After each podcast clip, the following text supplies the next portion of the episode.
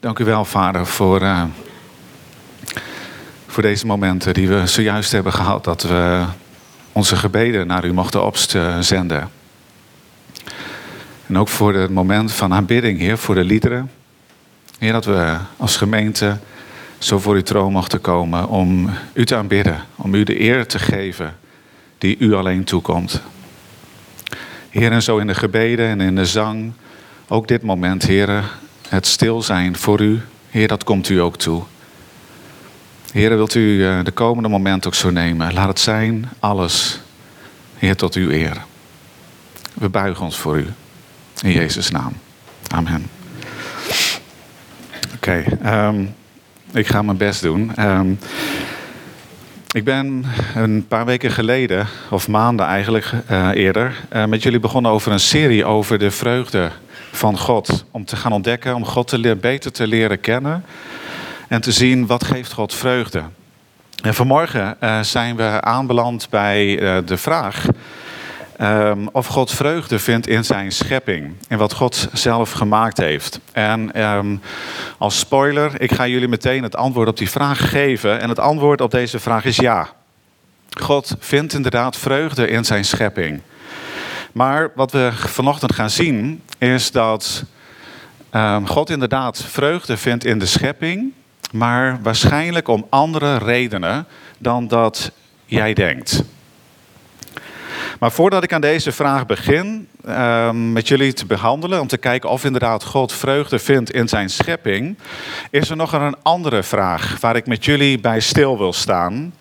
En dat is namelijk waarom God deze schepping, deze wereld heeft geschapen.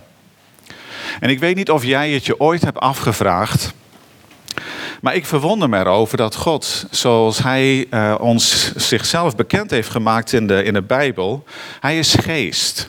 God is geest. En God is iemand die we niet kunnen zien, die we niet kunnen aanraken.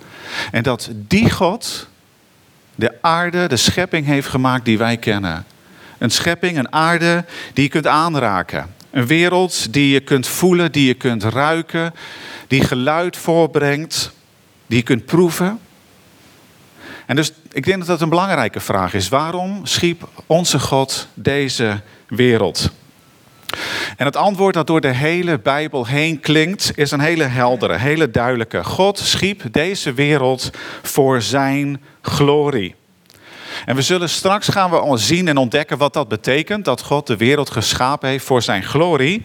Maar ik wil eerst met jullie samen dat feit vaststellen, dat dat zo is. En wat ik al zei, de Bijbel is er glashelder over. Bijvoorbeeld in Psalm 19. Psalm 19, vers 1. En ik heb de meeste van de teksten die zullen geprojecteerd worden. Psalm 19, vers 1. De hemel vertelt Gods eer. En daar staat eer, glorie. En het gewelf, dat is zeg maar wat boven de hemel is, dat verkondigt het werk van zijn handen. Of kijk ook eens met, met mij mee in Jezaja, Jezaja 43, vers 6b eh, en 7. En daar zegt de Heere God, breng mijn zonen van ver en mijn dochters van het einde der aarde. Ieder die genoemd is naar mijn naam, die heb ik tot mijn eer, tot mijn glorie geschapen. Die heb ik geformeerd. Ja, die heb ik gemaakt, zegt de Heere God. Nou ja, iemand zou kunnen zeggen, oké, prima. Maar de aarde is, voor zover dat we nu uh, weten, de enige bewoonde planeet in het universum. Buiten de aarde om hebben we nog geen leven gevonden. Nou, als dat zo is, waarom heeft de Heere God dan zo'n groot en leeg universum gemaakt? En ik denk zelf dat het antwoord daarop een duidelijk is. Ik denk dat dat betekent en dat dat zoveel wil zeggen dat het dus niet om ons gaat. Wij hadden niet zo'n groot universum nodig. De aarde is op zich groot genoeg voor ons. Wat dat volgens mij zegt, is dat het gaat over en dat het gaat om God. Om God alleen, altijd en overal. Nu, waarom heeft de Heere God ons geschapen? De God heeft ons geschapen om Hem te kennen om Hem lief te hebben en om Hem te laten zien.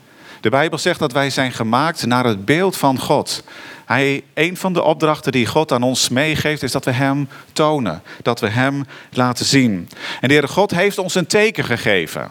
Een hint van wie Hij is, van hoe Hij is. En dat heeft Hij gedaan door dat onmetelijk grote universum waarin wij op deze kleine aarde mogen leven. En dat universum, dat toont de glorie van God aan ons. En de Heer God wil dat we dat zien. En dat we er versteld van staan. En dat we Hem gaan verheerlijken. En dus zegt Paulus in Romeinen 1, vers 20 en 21.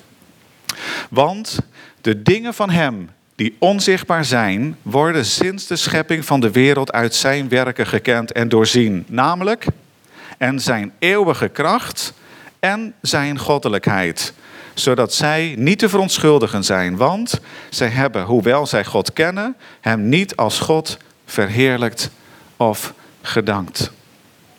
Nu weet je wat het, zeg maar, de tragedie, wat de worst case scenario is? Dat wij mensen, door God gemaakt, hierin zo tekortgeschoten zijn. Allemaal, niemand uitgezonderd. We zijn erin tekortgeschoten, zoals de Romeinenbrief zegt. Wij hebben de heerlijkheid van de onvergankelijke God vervangen door een beeld dat lijkt op een vergankelijk mens, op vogels en op viervoetige en kruipende dieren. We hebben God vervangen. Eigenlijk tegen God gezegd, we hebben u niet nodig. En dat is de essentie, dat is in wezen wat de Bijbel zegt, wat zonde is. Nu, de vraag is niet alleen waarom heeft de Heere God de wereld geschapen, maar ook waarom heeft de Heere God deze wereld geschapen.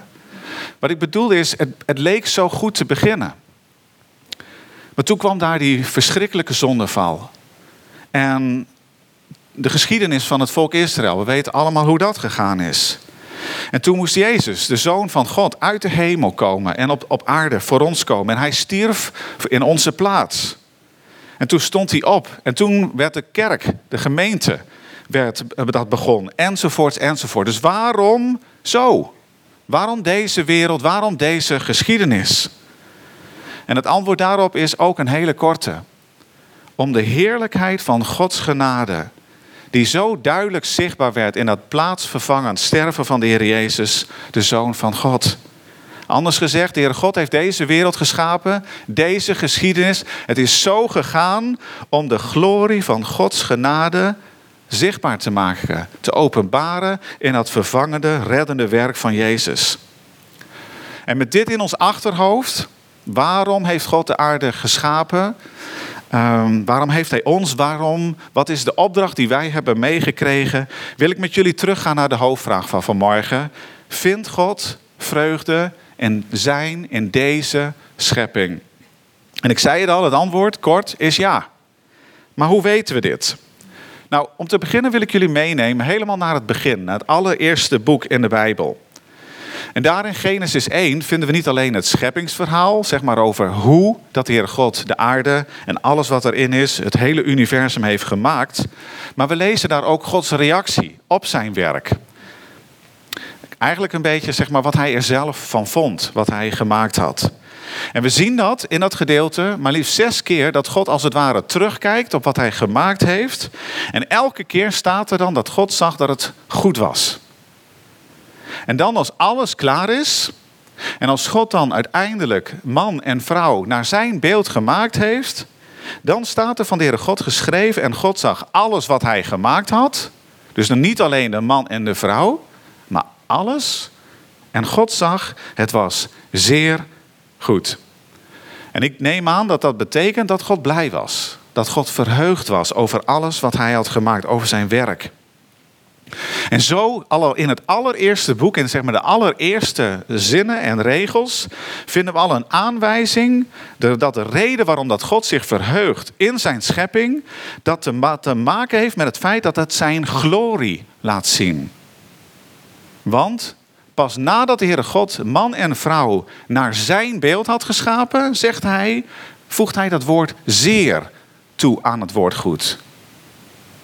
En dat zegt dus heel duidelijk, de allereerste aanwijzing, dat het iets te maken moet hebben met het feit dat de schepping, wij door Hem gemaakt, Zijn glorie, Zijn eer laten zien. Want wij zijn naar Zijn beeld gemaakt.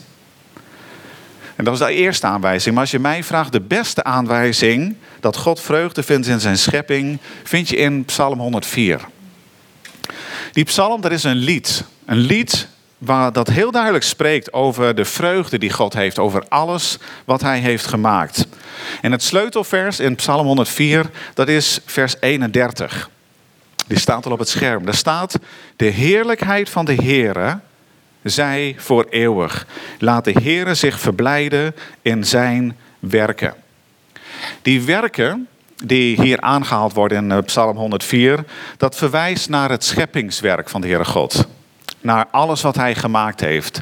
Um, daar zitten wij ook in. Um, maar ook de bevers, de bomen, het water. Noem het maar zo gek. Alles wat de Heere God gemaakt heeft. Daar verwijst deze vers naar. En wat ik zo mooi vind, als je het hebt over zeg maar, het beeld wat de Heer God geeft aan, aan Job. Wanneer dat hij Job ondervraagt over zijn schepping, over zijn scheppingswerk, dat vind ik zo ontzettend mooi. Neem ik jullie even mee naar Job 38, vers 4 en 7. En daar is de Heere God in gesprek met Job. En dan vraagt de Heere God aan Job dit. Job, waar was jij toen ik de aarde grondvestte? Maak het mij bekend, Job, als je echt inzicht hebt. Wie heeft haar afmetingen bepaald? Jij weet het immers wel. Of wie heeft het meetlint over haar uitgespannen?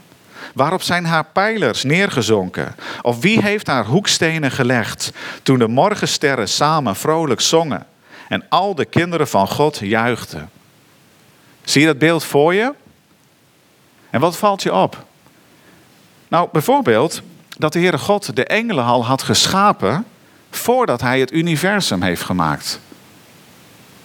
En het laat zich denk ik niet moeilijk raden waarom. Ik denk dat God wilde dat er publiek was. Dat er iemand of iets was, engelen waren, om er getuige van te zijn van dat magistrale werk wat hij aan het doen was toen hij de wereld schiep. En ik kan me zo levendig voorstellen dat toen hij dat gemaakt had, dat de Heere God tegen de engelen zeiden van kijk eens, wat vind je ervan? Bijvoorbeeld toen hij de sterrenstelsels tot bestaan sprak. En hoe moeten die engelen niet gereageerd hebben? Die zagen iets en hadden ze nog nooit eerder gezien. En de Bijbel zegt erover dat ze erbij stonden te juichen. Vol ontzag, vol verwondering. Wat een moment moet dat zijn geweest, op dat moment dat bijvoorbeeld de Heere God de sterrenstelsels tot bestaan riep. Nou, ik hoop dat het inmiddels duidelijk is dat inderdaad de Heere God zich verheugt over zijn schepping. Maar dan de volgende vraag, waarom? Waarom vindt God vreugde in zijn schepping? En dan vraag je misschien af, waarom is het belangrijk dat we weten waarom dat Heere God zich daarin verheugt? Nou, we moeten weten Waarom dat God zich verheugt in zijn schepping? Omdat het iets zegt over zijn karakter. Omdat het iets zegt over zijn wezen, over wie hij is. Want je kunt namelijk om verschillende redenen blij zijn over iets. Om een goede reden en om een niet goede reden. En mijn doel van morgen samen met jullie is om Gods heerlijkheid, om Gods glorie te laten zien. En dus willen we weten, niet alleen waarover hij zich verheugt, maar ook waarom dat hij zich daarover verheugt. En ik zal proberen deze vraag met jullie te beantwoorden door samen terug te gaan naar die psalm waar we zo net al een stukje uit hebben gelezen, psalm 104. En als je Bijbel bij je hebt, sla hem gerust daarbij op. We blijven nog een tijdje daarbij hangen. De eerste reden waarom dat de Heere God zich in zijn werken verheugt, is omdat die werken zijn heerlijkheid tonen. Je vindt dat bijvoorbeeld in vers 31 van Psalm 104. Ik lees dat nog eens met jullie. De heerlijkheid van de Heere zij voor eeuwig. Laat de Heere zich verblijden in zijn werken. Dus hier zien we heel duidelijk dat God van zijn werken geniet, dat hij zich daarover verheugt, omdat ze zijn heerlijkheid laten zien, dat ze die uitdrukken. En dat vind je ook in andere psalmen, bijvoorbeeld in Psalm 19, vers 2 en 3. Daar staat: De hemel vertelt Gods eer. Het gewelf, dat wat boven de hemel is, verkondigt het werk van zijn handen. Dag op dag spreekt overvloedig en nacht op nacht geeft kennis door. Deze teksten laten heel duidelijk zien dat er één opdracht is voor de schepping. Die ze over moeten brengen. Een boodschap die ze moeten overbrengen aan ons, aan ons mensen. En namelijk, dat is Gods eer. De opdracht aan de schepping is om Gods glorie aan ons over te brengen. Dus niet in de eerste plaats de glorie van de schepping, maar de glorie van God, van de schepper. En de glorie van de schepping en de glorie van God, die zijn net zo verschillend als een schilderij en degene die daarop geschilderd staat. De glorie van de schepping en de glorie van God zijn net zo verschillend als een liefdesgedicht en de liefde tussen een man en een vrouw. Net zo verschillend als tussen een ring en het huwelijk.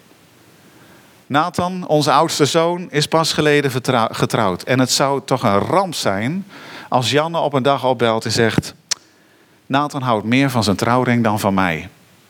En dat voelen we allemaal perfect aan. Daar zit een enorm verschil in. Maar er zit net zo'n verschil tussen de glorie van de schepping en de glorie van God. En we lachen om dat voorbeeld, maar het is wel wat er is gebeurd. Wat Romeinen 1, vers 18 zegt. Lees dat maar eens met me mee. Daar zegt Paulus, want de toren van God wordt geopenbaard vanuit de hemel over alle goddeloosheid en ongerechtigheid van de mensen, die de waarheid in ongerechtigheid onderdrukken. Omdat wat van God gekend kan worden hun bekend is. God zelf heeft het hun immers geopenbaard. Want de dingen van Hem die onzichtbaar zijn, worden sinds de schepping van de wereld uit Zijn werken gekend en doorzien. Namelijk en Zijn eeuwige kracht en Zijn goddelijkheid, zodat ze niet te verontschuldigen zijn. Want zij hebben, hoewel zij God kennen, Hem niet als God verheerlijkt of gedankt. Maar ze zijn verdwaasd in hun overwegingen en hun onverstandig hart is verduisterd. En hier is wat er is gebeurd: dat vervangen van de ring en de, de geliefde waar je van houdt. Terwijl zij zich uitgaven voor wijze, zijn ze dwaas geworden en hebben zij de heerlijkheid van de onvergankelijke God vervangen door een beeld. Dat lijkt op een vergankelijk mens, op vogels en op viervoetige en kruipende dieren. De boodschap die dat onmetelijk grote en wat we weten nog steeds uitbreidende universum uitzendt is deze. Dat achter dat grote universum is een God. Een grote God. Vol glorie. Vol van kracht. Vol van wijsheid. En vol van genade. En dat is de meest fundamentele reden waarom dat God zich verheugt in zijn schepping. In die schepping, in de werken van zijn hand, ziet God de weerspiegeling van zijn eigen heerlijkheid. Nu, en dat is dus alweer een paar maanden geleden, de eerste keer dat we over dit onderwerp, de vreugde van de Heere God, spraken, toen hebben we gezien dat de Heere God in de eerste plaats vreugde vindt in zijn Zoon. En nu vanmorgen zien we dat de Heere God vreugde vindt in zijn schepping.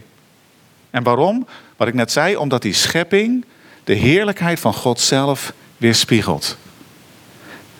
Maar betekent dat nu dat God zeg maar, een stukje, een deel van zijn vreugde vindt in zijn zoon, wat we de eerste keer hebben gezien. En wat we nu hebben gezien, dat een ander deel, dat, dat, dan, dat hij dat vindt in de schepping? Nee. Wat je moet weten is dat de Bijbel de Heer Jezus, de Zoon van God, noemt de afstraling, ander woord dus afspiegeling van Gods heerlijkheid. Wat de Bijbel zegt is dat de Vader en de Zoon in elkaar al ruime tijd voor de schepping volmaakt, perfect vreugde vonden in elkaar. Volmaakt, perfect betekent er kan niks meer bij. En dat was het eerste zeg maar, punt wat ik in de eerste preek toen met jullie heb gemaakt.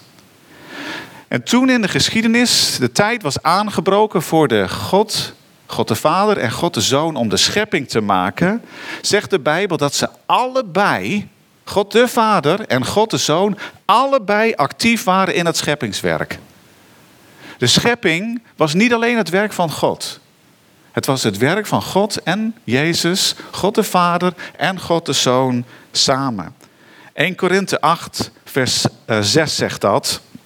Voor ons is er maar één God. Eén Vader, uit wie alle dingen zijn en wij voor Hem. En één Heere, Jezus Christus, door wie alle dingen zijn en wij door Hem. Of in Colossense 1, vers 16. Want door Hem zijn alle dingen geschapen die in de hemelen en die op de aarde zijn.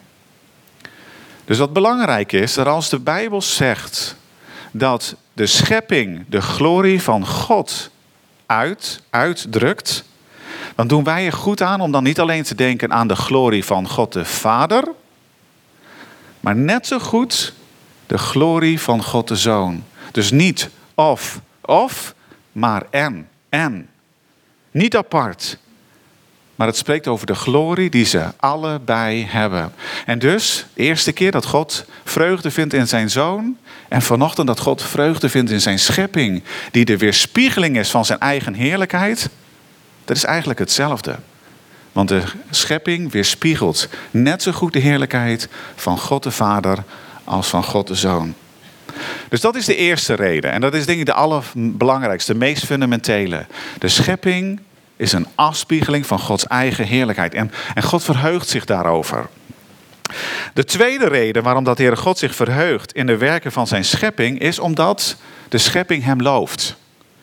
In Psalm 148, vers 3, 5 en 7 bijvoorbeeld, zien we dat de psalmist de schepping oproept om de Heere God te loven. Loof hem, zon en maan. Loof hem, alle lichten sterren. Loof hem, alle, allerhoogste hemel en water dat boven de hemel is. Laten zij de naam van de Heere loven, want toen hij het gebood, werden zij geschapen. Loof de Heere vanaf de aarde, zeemonsters en alle diepe wateren. Nu, zeg maar wij, anno 2022, met al onze kennis, alles wat wij denken te weten, alle hulpmiddelen die wij, waarover wij beschikken, als wij al niet weten wat daar in die diepste zeeën leeft en te vinden is, laat dan staan deze psalmist.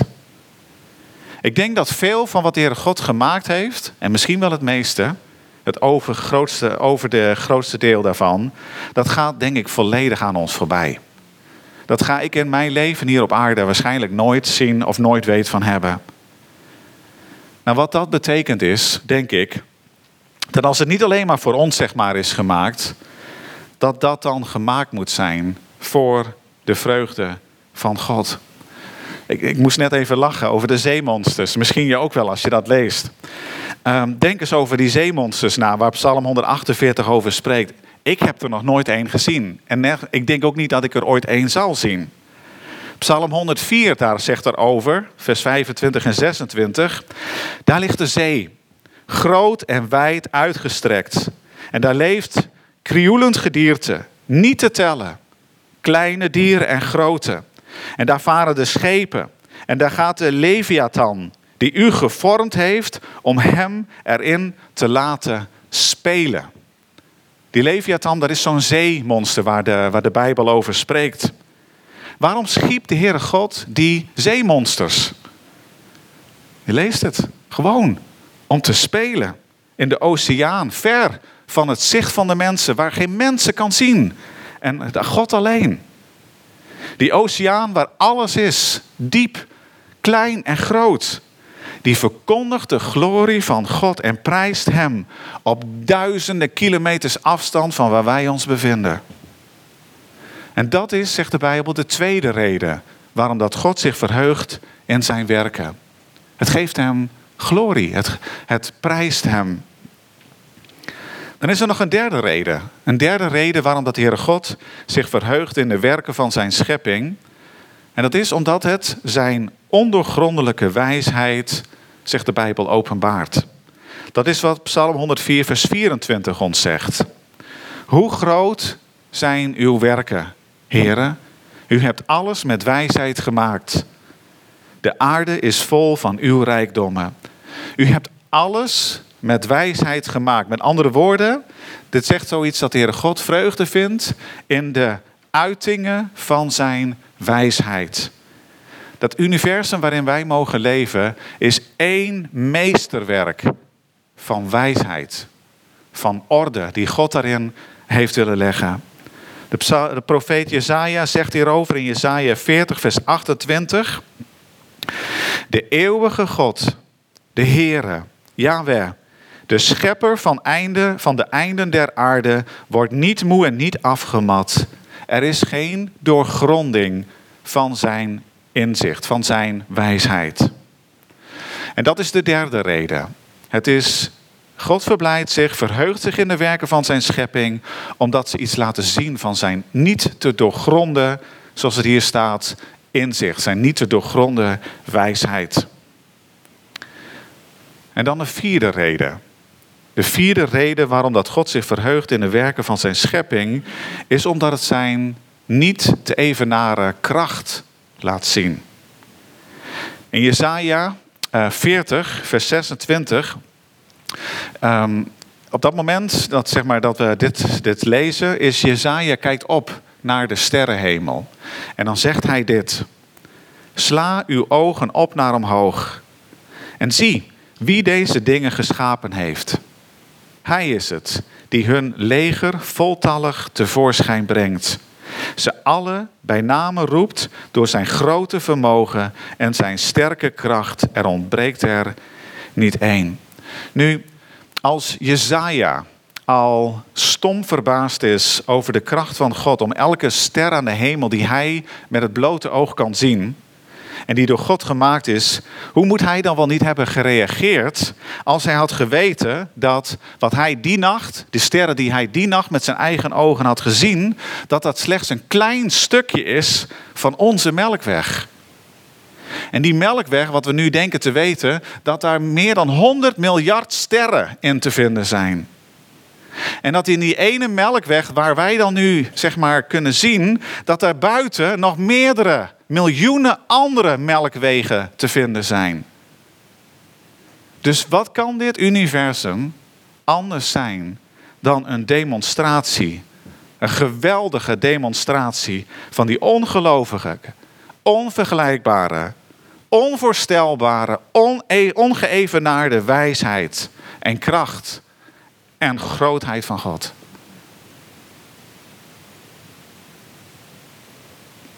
En dan is er nog een reden. De laatste. God verheugt zich in de werken van de schepping, omdat de schepping ons wijst op Hem. De Heere God wil dat jij en ik verbluft staan, onder de indruk zijn van Zijn scheppingswerk. De Heere God verlangt ernaar dat als wij omhoog kijken, of om ons heen kijken, naar de schepping, zeggen van Heere God, wauw, ongelooflijk. Als je bedenkt dat wat wij zien, dat dat slechts, Psalm 8, vers 4 zegt, dat dat gemaakt is door God met zijn vingers. Ja. Als dat slechts het werk is van Gods vingers, hoe groot, hoe wijs, hoe machtig moet deze God dan wel niet zijn? En ik denk dat dat ook de reden is. Waarom dat deze Psalm 104, waar we vanochtend wat langer bij hebben stilgestaan, dat die eindigt op de manier waarop die eindigt. Niet hebbende over de schepping. Niet hebbende over de mens, waarvan de Bijbel zegt dat wij de kroon van de schepping zijn. Het is niet gefocust op ons, maar het is gefocust op God zelf. Lees eens met mij mee vanaf vers 31. De heerlijkheid van de Heere zij voor eeuwig. Laat de Heere zich verblijden in zijn werken. Aanschouwt hij de aarde, dan beeft hij. Raakt hij de bergen aan, dan roken zij. Ik zal voor de Heere zingen in mijn leven. Ik zal voor mijn God psalmen zingen, mijn leven lang. Mijn overdenking van Hem zal aangenaam zijn. Ik zal mij in de Heere verblijden. Uiteindelijk is het niet die grote zeemonster of de diepe oceanen of de hoge bergen of dat onmetelijk grote sterrenstelsel waarover wij ons verblijden of ons verwonderen. Uiteindelijk gaat het God zelf zijn. En ik heb uh, ter afsluiting een, een verwerkingslied uh, gezocht. En uh, luister ernaar en luister naar de woorden. kijk ernaar, naar de beelden. En als je dan zo op je, stil, op je stoel zit, laten we een moment gewoon echt stil zijn. Stil zijn, op je plaats, je buigen. In stilte voor die grote, die machtige, die wijze en die genadevolle God. En bedenk dan, en misschien wil je een besluit nemen, dat je zegt van Heere God, als u de sterren gemaakt heeft om u te aanbidden, dan wil ik dat ook. Als die bergen zich aan eerbiedig voor u buigen, dan wil ik dat ook. Als alles wat u gemaakt heeft bestaat om u te eren, dan wil ik dat ook. Als de wind en de zee u gehoorzaam zijn, dan wil ik dat ook. Heere God, u heeft ons gemaakt om u te kennen. En Heere, maakt u zichzelf aan ons bekend. Heer, we willen u, kennen. En we willen u als God verheerlijken. En u als God danken. Uw naam zij geprezen. Amen.